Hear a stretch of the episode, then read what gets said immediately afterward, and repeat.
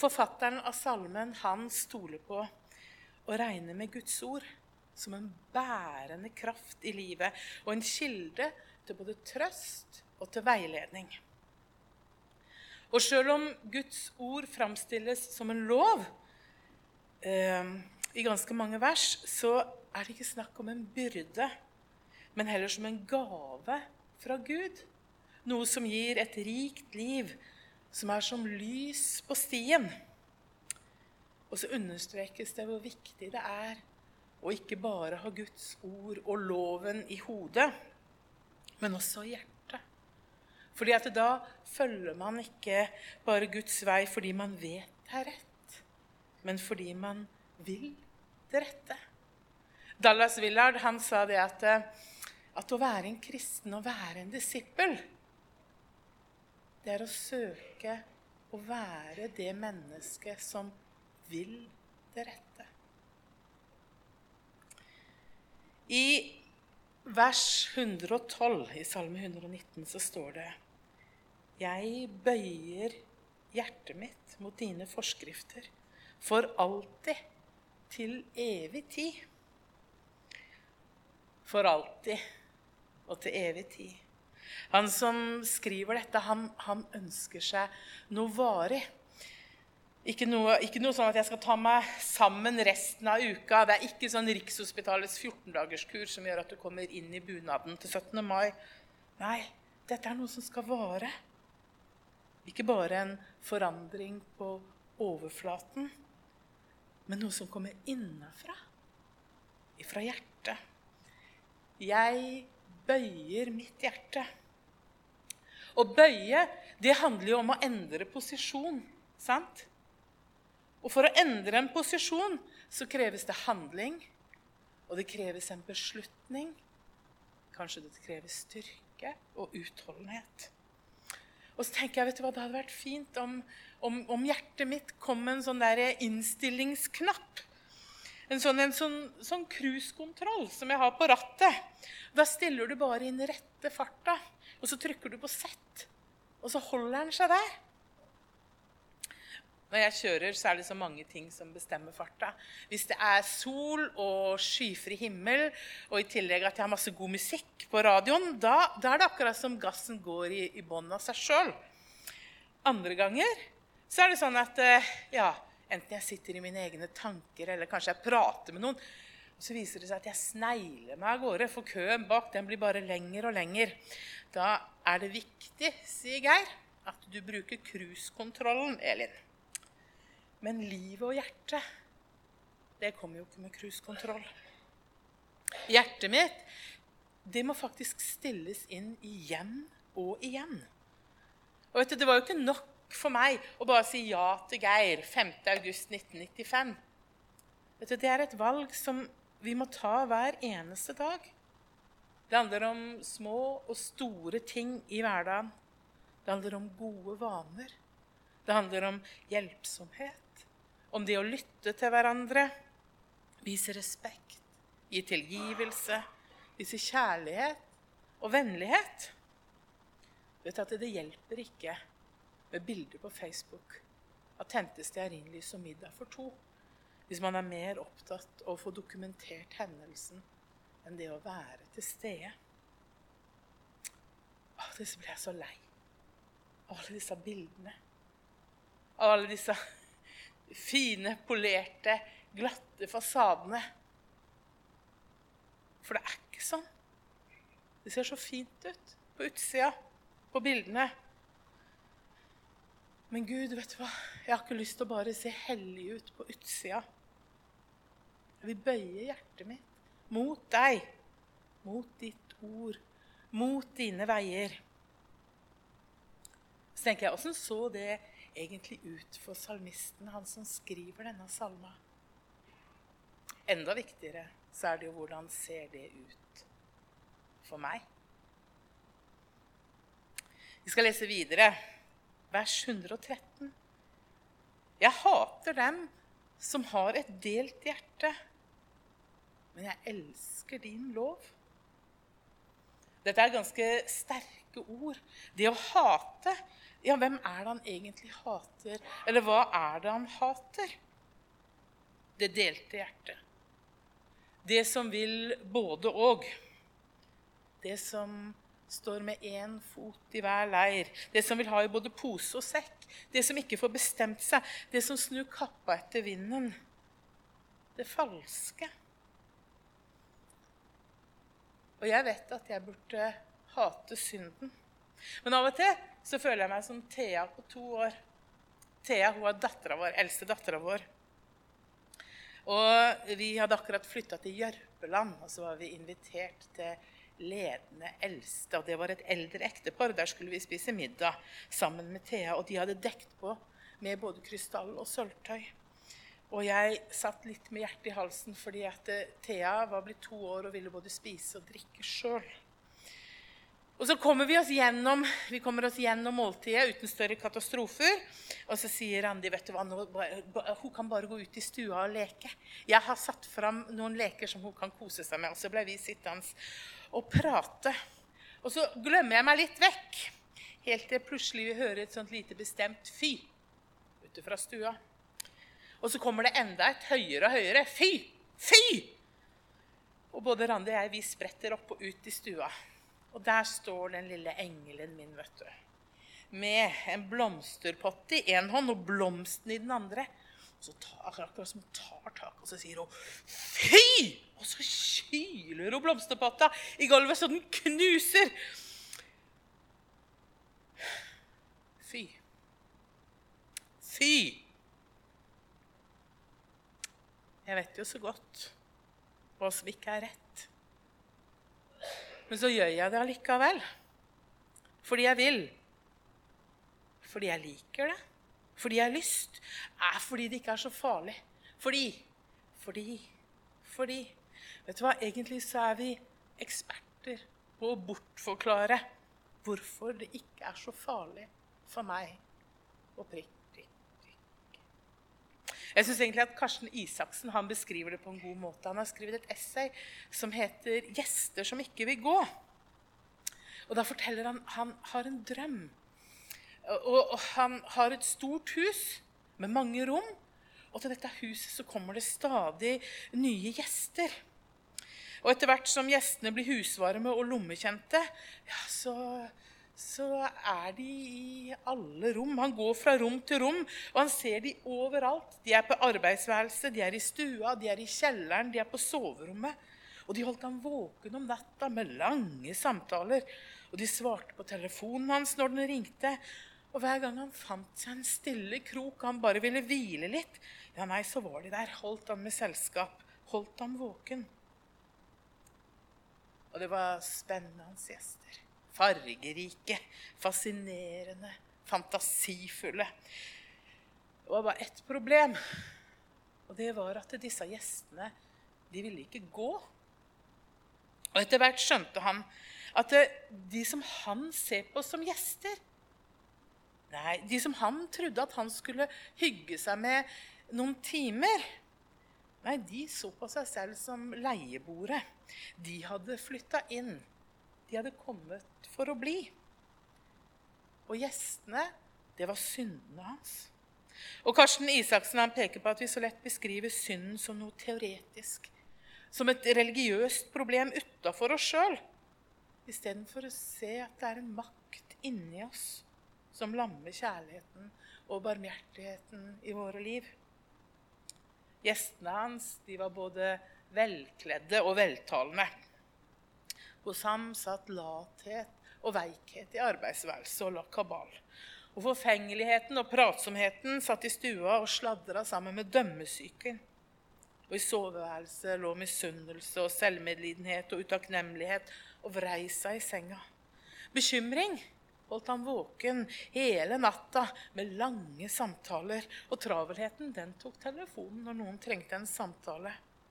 Og hver gang han fant seg en stille krok, kom utålmodigheten og holdt han med selskap. Det var spennende og fascinerende gjester.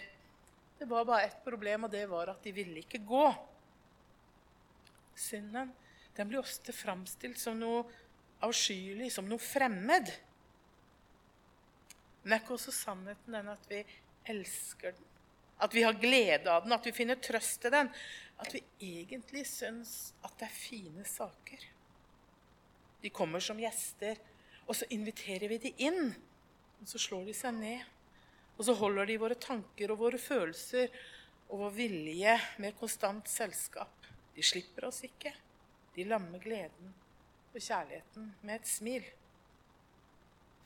Det er et stort problem, og det er det at de vil ikke gå. Og sjøl så klarer vi ikke å få de ut. Jeg elsker Nei, jeg hater. Jeg hater et delt hjerte. Og Det er en kjent problemstilling, dette her. Paulus han skriver i Romerbrevet 17. For jeg vet at i meg, det er i mitt kjød, bor det ikke noe godt. For viljen har jeg, men å gjøre det gode, nei, det makter jeg ikke. Det gode som jeg vil, gjør jeg ikke. Men det onde som jeg ikke vil, ja, det gjør jeg. Men gjør jeg det jeg ikke vil, da er det ikke lenger jeg som gjør det, men synden som bor i meg. Jeg finner altså den lov for meg, jeg som vil gjøre det gode, at det onde ligger meg for hånden. For etter mitt indre menneske slutter jeg meg med glede til Guds lov. Men i lemmene mine ser jeg en annen lov som strider mot loven i mitt sinn, og som tar meg til fange under syndens lov, som er i mine lemmer. Jeg elendige menneske, hvem skal fri meg fra dette dødens legeme? I boka 'Lang lydighet' så skriver Eugene Pettersen, det var han som hadde oversatte The Message Bible, at de i forberedelsen til det kristne disippelskapet så ligger det en avsmak for verden. At man blir lei av løgnen og sliten av volden. At det må vokse fram en avsky for tingenes tilstand, et hat mot synden for all den lidelsen som den fører med seg.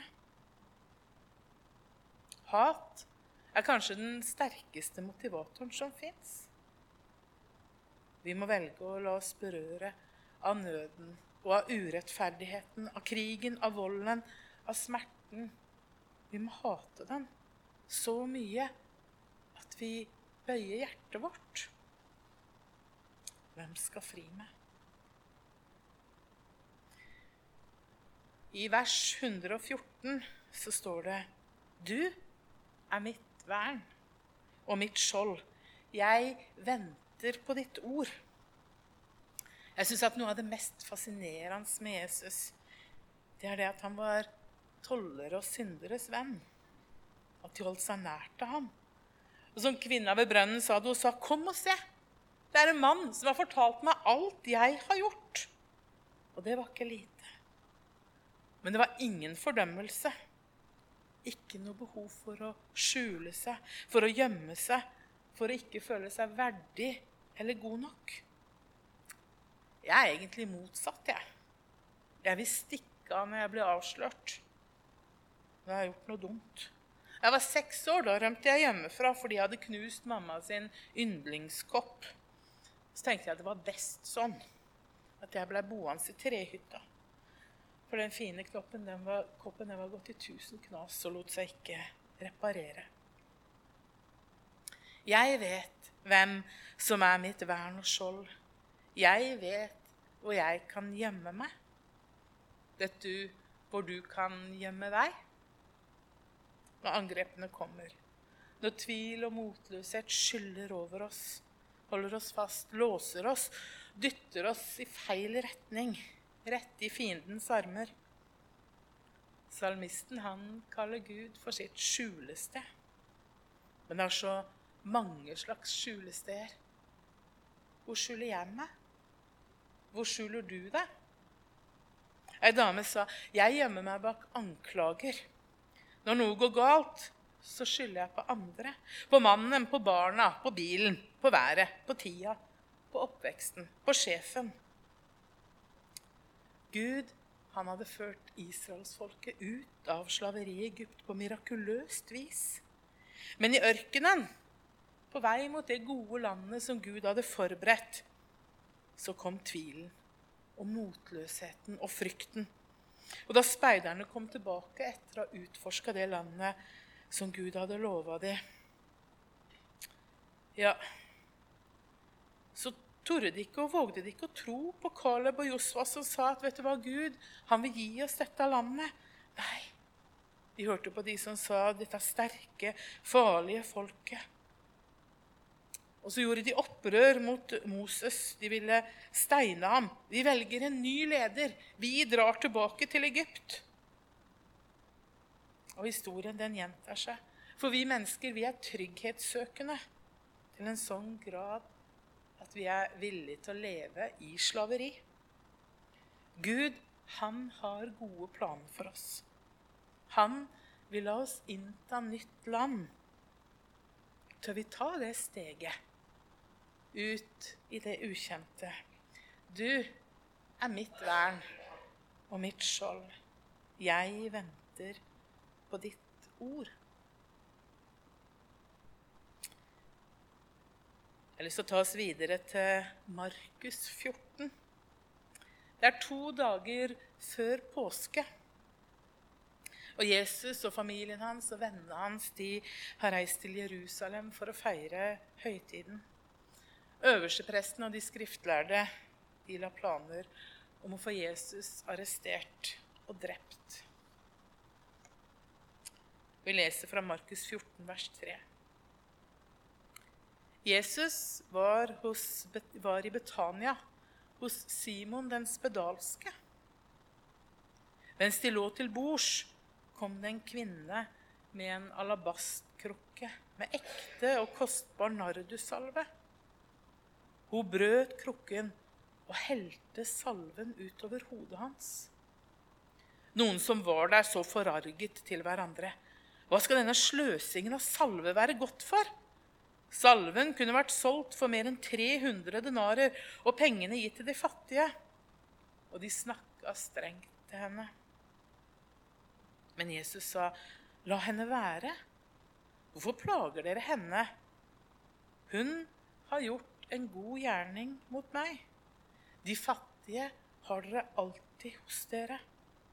Og dem kan dere gjøre godt mot så ofte dere vil. Men meg har dere ikke alltid. Hun gjorde det hun kunne.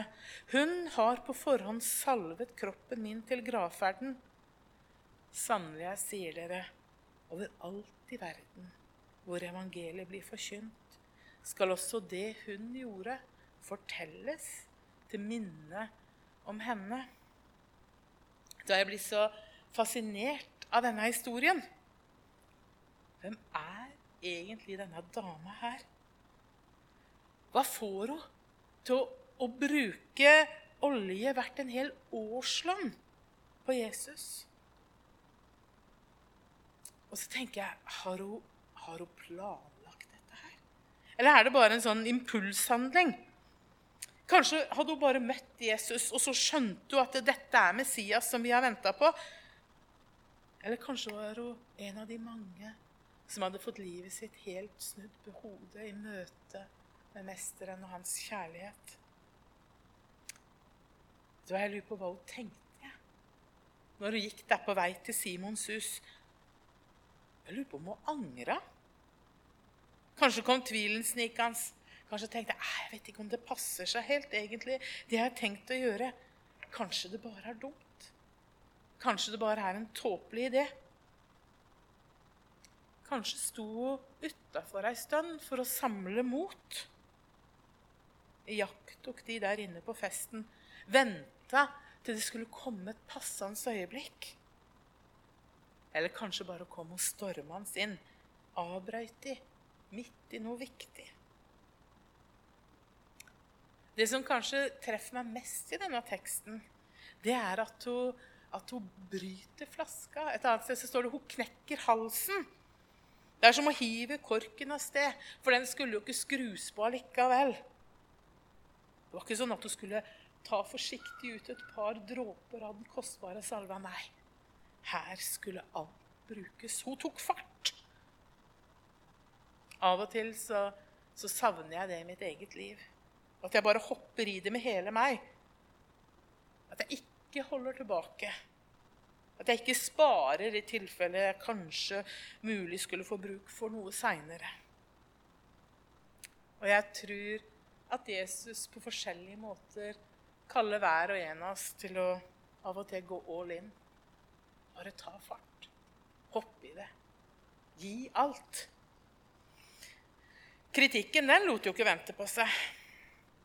Noe så bortkasta. Hadde det ikke vært bedre og solgt denne salva og gitt pengene til de fattige.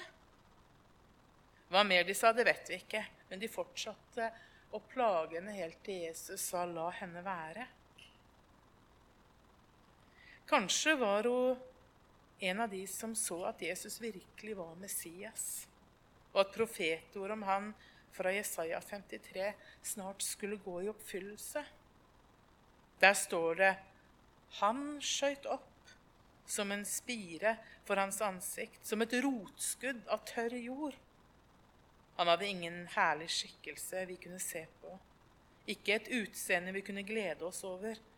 Han var foraktet, forlatt av mennesker, en mann med smerte, kjent med sykdom, en de skjuler ansiktet for. Han var foraktet, og vi regnet ham for ikke noen. Sannelig, våre sykdommer tok han, og våre smerter bar han. Vi tenkte han er rammet, slått av Gud og plaget. Men han ble såret for våre lovbrudd, knust for våre synder. Straffen lå på ham. Vi fikk fred. Ved hans sår ble vi helbreda. Jesus sa, hun har på forhånd salva kroppen min til gravferden. Jeg lurer på hvem sine ord som fulgte henne hjem den kvelden, jeg. I dagene og ukene som kom, var det de harde ordene om sløseri? Eller var det Jesu ord om at du har gjort en god gjerning mot meg? Og så lurer jeg på Skjønte hun rekkevidden av sine handlinger? at det hun gjorde, skulle fortelles. Overalt, over hele verden, der evangeliet blir forkynt. Til inspirasjon for de som velger å legge ned alt de eier. Ja, til og med sitt eget liv for Jesus. Jeg har lyst til at vi skal lese teksten en gang til. Og så må du be om at Gud skal tale til deg. Hva er det som møter deg? Hva er det han vil si deg? Jesus var, hos, var i Betania, hos Simon den spedalske. Mens de lå til bords, kom det inn en kvinne med en alabastkrukke med ekte og kostbar nardussalve. Hun brøt krukken og helte salven utover hodet hans. Noen som var der, sa forarget til hverandre. Hva skal denne sløsingen med salve være godt for? Salven kunne vært solgt for mer enn 300 denarer og pengene gitt til de fattige. Og de snakket strengt til henne. Men Jesus sa, 'La henne være. Hvorfor plager dere henne? Hun har gjort en god gjerning mot meg.' De fattige har dere alltid hos dere, og dem kan dere gjøre godt mot så ofte dere vil, men meg har dere ikke alltid. Hun gjorde det hun kunne. Hun har på forhånd salvet kroppen min til gravferden. Sannelig, jeg sier dere, overalt i verden hvor evangeliet forkynnes, skal også det hun gjorde, fortelles til minne om henne. Kanskje var ikke denne dama en grubler i det hele tatt. Kanskje hun gikk hjem den kvelden glad og takknemlig for å ha møtt Jesus enda en gang, og for å ha, mul fått muligheten til å si at 'Vet du hva, jeg elsker deg, Jesus', og salve kroppen hans med den kostbare olja. Kanskje nynna hun på en salme, og kanskje lød ordene sånn som dette her. Jeg bøyer mitt hjerte for dine forskrifter. For alltid og til evig tid. Jeg hater dem som har et delt hjerte. Jeg elsker din lov. Du er mitt vern og mitt skjold. Jeg venter på ditt ord. Skal vi reise oss? Og så skal vi be sammen. Og så tenker jeg at vi kan eh, be denne salmen som en bønn. Jesus, la meg elske deg, la meg elske din vei, la meg elske ditt ord. La meg få bøye meg mot deg.